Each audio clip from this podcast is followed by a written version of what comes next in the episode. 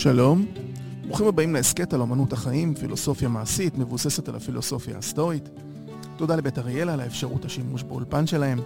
שמי ברק קידר, אני עוסק בייעוץ פילוסופי, לומד ומתרגל פילוסופיה סטואית. אתם מוזמנים לאתר שלי stoaisrael.com וכן לדף הפייסבוק והאינסטגרם של אמנות החיים, פילוסופיה מעשית. היום אני אלווה אתכם לתוך ציטוט שאולי יסייע לכם ולו במעט בנבחי החיים. שנצלול? אה, בפרק הקודם אנחנו דיברנו על אה, הגדלת מעגלי הקרבה שלנו לזולת ולסביבה שלנו, ולהגדיל את זה כדי שנתנהל בכבוד הדדי בין, אה, בין אנשים ובין מה שמשותף, ואיך הסטואיות גם כן משפיעה על העולם בחוץ, והיא לא רק לעניין של שליטה עצמית שלי, ולא רק הטיפוח האופי שלי למעשה, גם למעשה זה כלים שמשתמשים, שעוזרים לשינוי בעולם. גם היום אנחנו נדבר באמת על אה, מה שקורה בחוץ, מחוצה לנו, ולא רק על הטיפוח שלי עצמי בפנים, גם וגם. והיום ננסה לעשות איזשהו אה, שידוך, איזשהו קשר בין שני דברים שלכאורה לא, לא נראים קשורים. הראשון שבהם זה פוליטיקה. תכף נגיע גם לשני, אבל בואו נתחיל רגע שנייה אחת בפוליטיקה. אנחנו בפתחה של מערכת בחירות חדשה, אני מקליט את זה ביולי 22, את הפרק הזה, וככל שהזמן נוקף, אה, אנחנו נחשפים, בהתבסס על המערכות בחירות הקודמות, אנחנו נחשפים לעוד ועוד פרובוקציות, אמצעי שכנוע. מי שמעדיף את המינוח הנדוס תודעה, אני לא אוהב את המונח הזה, אבל הוא חלק מהעניין. הוא מונח שמניח שכולנו, סליחה על ביטוי מטומטמים, ואפשר להנדס לנו את התודעה, אבל אנשים, רובנו יכולים לחשוב, ואני ממליץ לכולנו לחשוב, לכן אני לא אוהב את המונח הזה, אבל אין ספק שהוא בולט ב... במערכות בחירות. נרקמות גם איזה שהן שותפויות פוליטיות חדשות, יש הטלת רפש והטיה של תפיסות ודעות. בין היתר יש גם סקרים מבלבלים, קמפיינים של יועצי אסטרטגיה. המון רעש עושה כל הדבר הזה, וכל זה עוד לצד משפט מתוקשר כרגע, ותקשורת שחובבת כותרות, אה, ובינינו כי אנחנו אלה שחובבים כותרות, אז בגלל זה התקשורת יודעת להביא לנו את מה שיצוד אותנו. ונדבר שנייה רגע על פוליטיקה בקטנה ממש. אריסטו אמר שהאדם הוא בעל חיים פוליטי, על פי הטבע שלו. וזה כי הוא בעל היכולת לדיבור תבוני, ללוגוס ביוונית עתיקה, והוא מאפשר לבני אדם לעצב עבור עצמם איזה שהם הסדרים פוליטיים שמיטיבים את התנאים לשימוש אנושיותם. כל שותפות קיימת לשם השגת איזשהו טוב, אם זו שותפות לצורך העניין ביצירת אוכל, ביצירת איזשהו אה, אה, חום בבית, יצירת משפחה, אנחנו עובדים בשותפות. ו... וכל מה שבני אדם עושים, הם עושים את זה כי נראה להם שזה טוב. אחת השותפויות באמת היא מדינה, שזו שותפות מסוימת, וזו השותפות המדינית גם, גם בין מדינות, יש, יש שותפויות, והמדינה נמנית עם הדברים הטבעיים על פי אריסטו. ונאמנות פוליטית, אה, זה כבר לא על פי אריסטו, אבל נאמנות פוליטית צריכה להיות, אם כן, למען איזשהו טוב כלשהו. אה, למען איזושהי אה, שותפות ליצירה, ליצירה טובה כלשהי. מן הסתם יהיו מחלוקות על איך לייצר את הטוב, ולעיתים גם בכלל מחלוקת מהו הטוב, ואם יש משהו שהדמוקרטיה הביאה לעולם לטובה, הוא השיח הזה בין דעות שונות שמתגבש ליצירת משהו חדש, שכולם יכולים לחיות איתו. עכשיו, אני אומר לא, לא, אני אומר יכולים לחיות איתו, כי לא בהכרח להסכים לכולו, אבל זה משמעות של קואליציה. זאת אומרת שמתבקש שבדמוקרטיה יהיה ביטוי לכל הדעות, לכל התפיסות. כמובן, אני כבר שומע את הביקורת שלכם, יש גבול גם לזה, אני מסכים, יש גבול למשהו לא לגיטימי. לא כל הדעות וכל התפיסות הן לגיטימיות. היו הרגע משטרים טוטליטריים דיקטטוריים שבהיסטוריה עלו גם בבחירות דמוקרטיות. אז כן, יש גבול, אבל הגבול הוא פה הוא הסתה ופגיעה בזולת באמת. אה, אבל מי שבוחר, ואנחנו מדברים פה בדמוקרטיה שלנו בארץ ישראל, אז אין הרבה שהם אה, באמת כל כך קיצוניים, שאתה אומר, לא צריך לתת להם להיבחר. בית המשפט העליון באמת אה, מנע כמה פעמים בעבר. אבל מי שבוחר בפלג פוליטי מסוים, הוא חייב לוודא כתנאי ראשון, וזה נשמע מצחיק, כי בדרך כלל כשאתה שואל מישהו למה אתה בוחר באיזושהי מפלגה, יש איזו משנה סדורה שלמה למה אני בוחר בה, אבל אף פעם לא יהיה התנאי הראשון מה שאני מציע. אני מציע שהתנאי הראשון זה שהפלג הפוליטי שאני מעדיף, ושאתם מעדיפים תמיד יאפשר הקשבה גם לדעות שונות, ויוכל להכיל ולכבד דעות שונות, ובעיקר לכבד את כללי המשחק הדמוקרטיים. כשאתם הולכים להצביע, כשאתם הולכים לבחור, כשיש לכם איזושהי נטייה פוליטית, תוודאו שמי שאתם רוצים להצביע לו, מי שאתם נוטים לנהות אחריו, הוא יכבד את כללי המשחק הדמוקרטיים. ומה שאמרתי עד עכשיו הוא הכי ניטרלי שהצלחתי לאמץ מבחינה פוליטית. זאת אומרת, הכי קרוב לזה שזה יכול להיות לשם ההתאמה לכל זרם פוליטי, מה שאמרתי. כל זרם פוליטי בדמוקרטיה, אוקיי? כל זרם פוליטי שמכבד את כללי הדמוקרטיה. אין בזה שום ביטול של עמדות, אין בזה שום אה, אה, סגידה עיוורת או שאיפה לכוח מוחלט, ו... וזה, וזה האלף-בית של, של דמוקרטיה, כמו שאמרתי. ועכשיו אנחנו נזוז רגע מהפוליטיקה, אנחנו נחזור אליה אולי אחר כך, ונגיע לחלק השני שהוא... אה, לכאורה יראה לכם שאין קשר, אבל אנחנו בסוף נמצא את הקשר, וזה משהו שכתב סנקה. סנקה כתב, אנחנו נצטט לא מעט מתוך איזשהו מכתב שלו, אבל הוא כתב ספר שלם על החסד, ועם זאת הוא כתב מכתב נוסף אחרי שהוא כתב את הספר הזה, הוא כתב מכתב ללוקיליוס חבר שלו, והוא הרחיב בנושא הזה. ומתוך המכתב הזה יש כל כך הרבה אה, ציטוטים רלוונטיים לחיי היומיום שלנו, שהחלטתי להביא היום כמה וכמה כאלה. וזה גם מתקשר לפוליטיקה, אני מבטיח לכם, אתם תראו. ואני בחרתי להפעם להביא מהמכתב הזה, אה, אה, וזה טוב גם לאופי האישי שלי, גם לטיפוח האופי האישי שלי, גם כן להתנהלות שלי בעולם, כמו שאמרתי בהתחלה, מול הסביבה שלי, וגם לפוליטיקה. וסנקה אומר לחברו, טוב שלא לקבל תמורה מלא לתת נתינה. גם לאחר יבול, יבול רע צריך לזרוע. תכופות מה שאבד בגלל איזושהי עקרות קרקע ממושכת, פוריות של שנה אחת משיבה. הוא ממשיך ואומר סנקה שכדאי להתנסות בכפויי טובה רבים כדי למצוא מכיר טובה אחד. אין איש שידו כה מיומנת בהענקת חסדים שלא יוטעה תכופות, שיוטעה בלבד שיקלע למטרה לפעמים. וזה מדהים מה שסנקה אומר פה, כי זה נוגד הרבה מאוד אינטואיציה שיש להרבה מאוד אנשים, קודם כל, אני מניח שיש לא מעט שיסכימו שטוב לתת מאשר לקבל, ואני מאוד אוהב את המשפט שהוא אומר שגם אחרי יבול רע צריך עדיין לזרוע, כי לפעמים אה, פוריות של שנה אחת משיבה את החיים לקרקע. וזה בעיניי אחד הדברים החזקים יותר, שהוא אומר שמי שמיומן בהענקת חסדים, יוטעה תכופות. והעיקר אבל שהוא יקלע למטרה לפנים, וזה מזכיר לי שפעם בחיפה, קפצתי לכביש, פניתי לתוך איזה רחוב צר כזה, שהרחוב הזה לא, לא הייתה בו נסיעה מהירה, וכך שקפץ מישהו לכביש וביקש שאני אעזור לו. פתח לי את החלון, אה, זה לא היה כביש סואן, וזה היה למעלה בכרמל. הוא סיפר שהוא נתקע בלי דלק והארנק שלו נשאר בעסק, יש לו מסעדה למטה בעיר התחתית של חיפה, והוא ביקש שאני אתן לו 20 שקל שיוכל למלא דלק, שיביא אותו עד לעסק למטה בעיר, ואז הוא הזמין אותי שאחר כך אני אבוא אליו למסעדה, והוא יחזיר לי, הוא גם הזמין אותי לארוחה וכן הלאה וכן הלאה. והסיפור שלו והדרך שבה הוא ביקש מאוד הפתיע אותי, ואכן נתתי לו 20 שקל. לאחר זמן לא רב, נדבר איתכם אולי מספר שבועות אחר כך, אני הלכתי ברגל, גם כן שמה בשדרות מוריה בחיפה, למעלה לכרמל, לפתע מגיח לו שוב אותו אדם, עם אותו סיפור, באופן זהה לחלוטין, פונה אליי, כן? לא למישהו אחר, ואני מחייך חיוך כזה חצי נבוך, חצי תמים כזה, חיוך אה, לא... שאין בו איזה משהו לועג או משהו כזה, ואני אומר לו, כבר עשית עליי את הקטע הזה. הוא נורא הופתע, הוא נורא התבלבל, והוא אמר, מה? מה פתאום? ו- ואז הוא הלך, והלך מהר מהמקום, ברח. ברח בבושת פנים. אמ, אז מן הסתם לרגע ניחשתי מרומה באותה סיטואציה, כי בואי, בואו, אני רציתי לעזור ונפלתי על נוכל. רבים מתלבטים אם לתרום לאיזשהו קבצן כי אולי הכסף ילך לאלכוהול או לסמים. אה, חלק עושים צעד קדימה וקונים לדרי רחוב אוכל ולא נותנים כסף כדי שזה באמת לא יגיע למקומות כאלה. אבל ברור שבמקרה שלי בכלל מדובר בנוכל ולא באדם באיזושהי מצוקה כזאת. אה, והוא לא בא לבקש כסף כי הוא אומר, אין לי מה לאכול, תעזור לי. הוא בחר בקפידת הסיפור העקיצה שלו. הוא פרט על המיתרים הנכונים והוא ידע לבנות סיפור טוב אה, כדי להוציא כסף, והוא גם לא שקל או שתיים, הוא נקב בסכום. אה, תן 20 שקל, אוקיי? וככה אתה גם מוציא יותר. זה לא שיעור פה באיך להיות נוכלים, אז אל תיקחו את זה בבקשה לכיוון הזה. ואין בליבי על המקרה הזה, זאת אומרת, אני לא, לא נחמץ ליבי שהוא עבד עליי. והוא לא מנע ממני גם אה, לעזור כשאני התבקשתי או כשראיתי צורך בעתיד אחר כך. אני לא אמרתי לעצמי איך עבדו עליי, בחיים לא סומך יותר על כאלה. בדיוק כמו שסנקה אמר, אין איש שידו כה מיומנת בהענקת חסדים שהוא לא יוטעה תכופות. שיוטעה בלבד שיקלע למטרה לפעמים. זאת אומרת, אני מעדיף לקלוע למטרה, ואני מאמין שאני לרוב קולע למטרה בהקשר הזה. אה, רובנו בדרך כלל תורמים לרוב למטרה, פחות נופלים. הוא גם הסביר שעד מהרה יושתקו החיים בנרפות ובעצלות אם אנחנו נאלץ לזנוח כל מה שפגע בנו.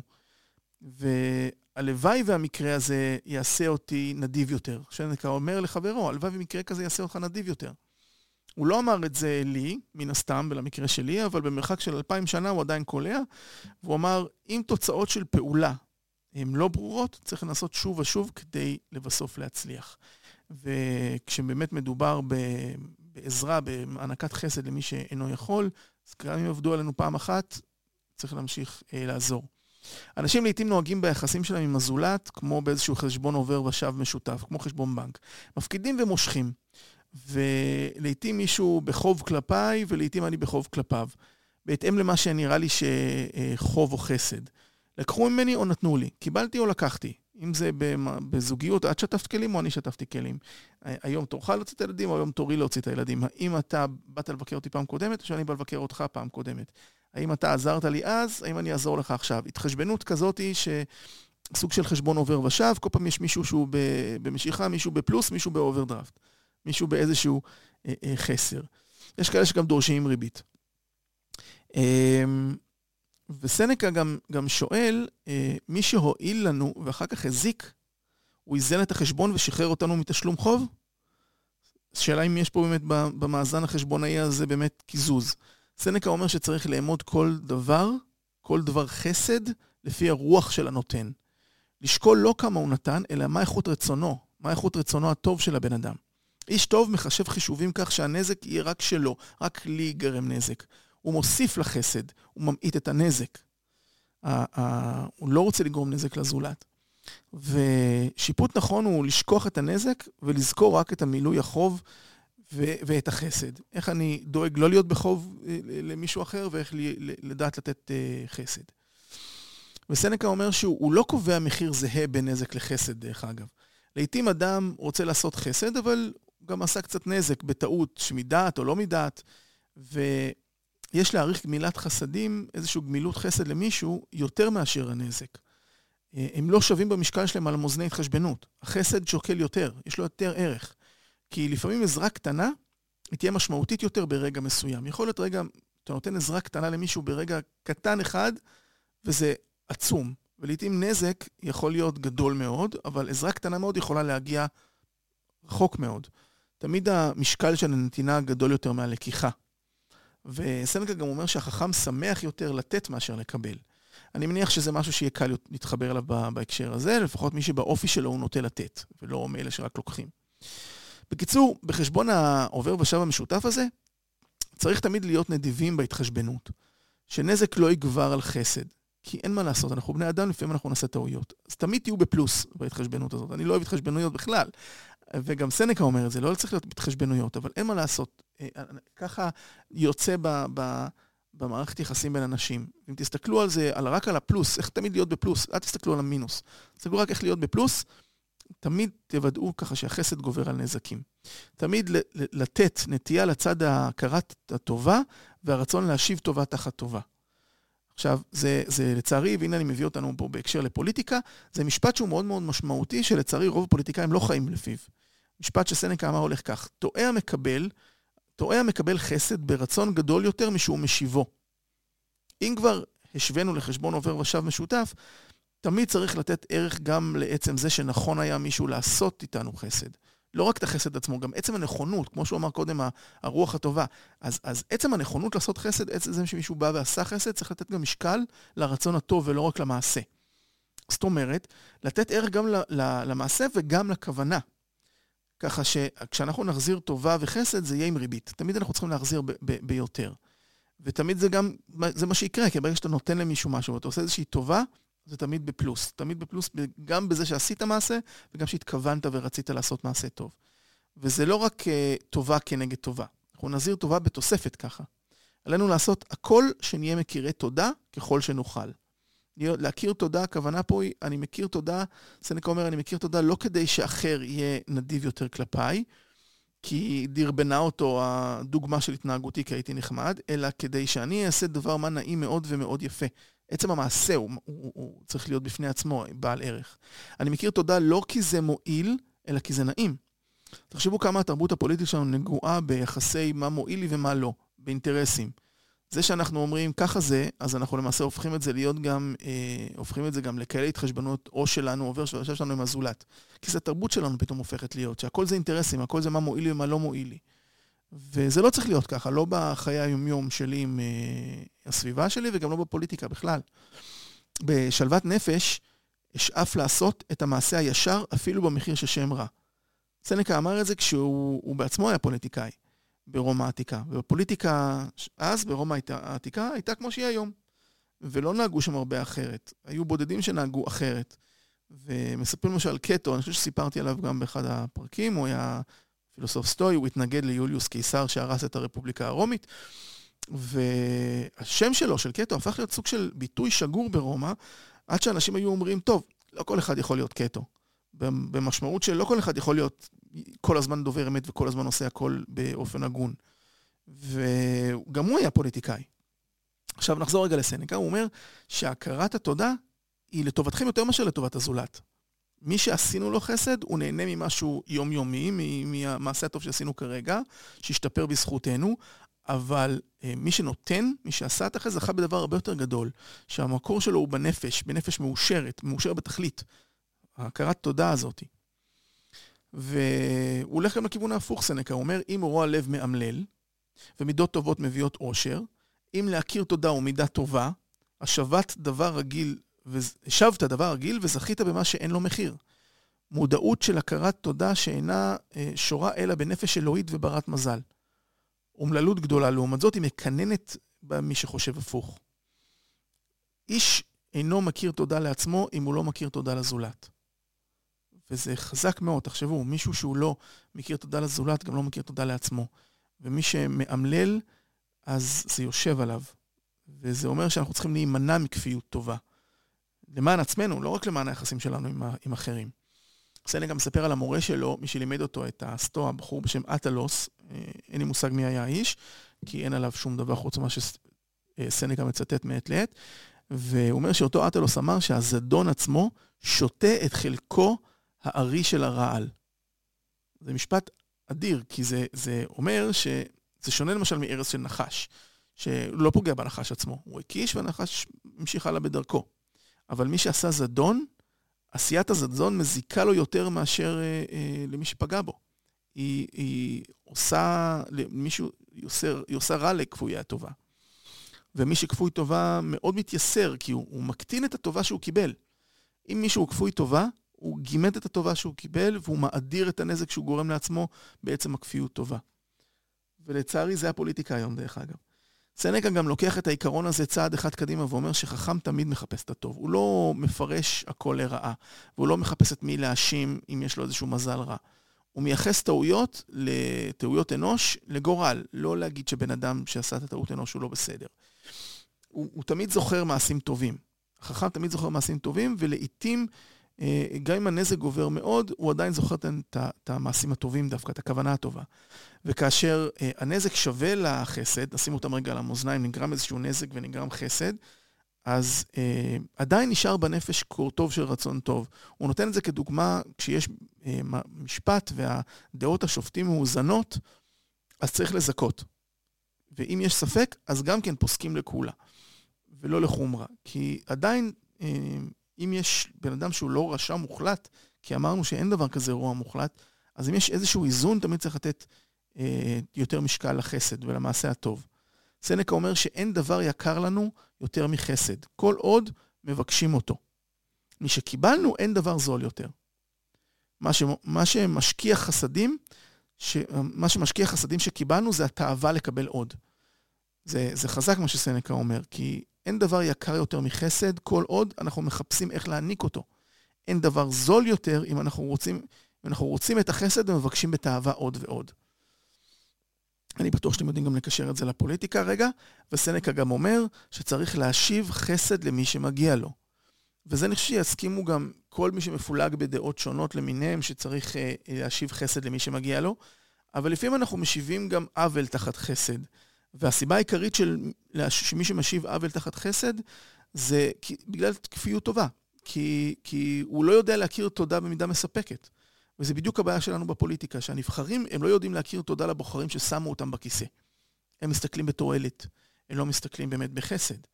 עכשיו אנחנו נסיים בשני משפטים של אה, חזקים מאוד של סנקה. הראשון הולך כך, אין עשיר יותר מהאיש שלא מצא הגורל מה לתת לו.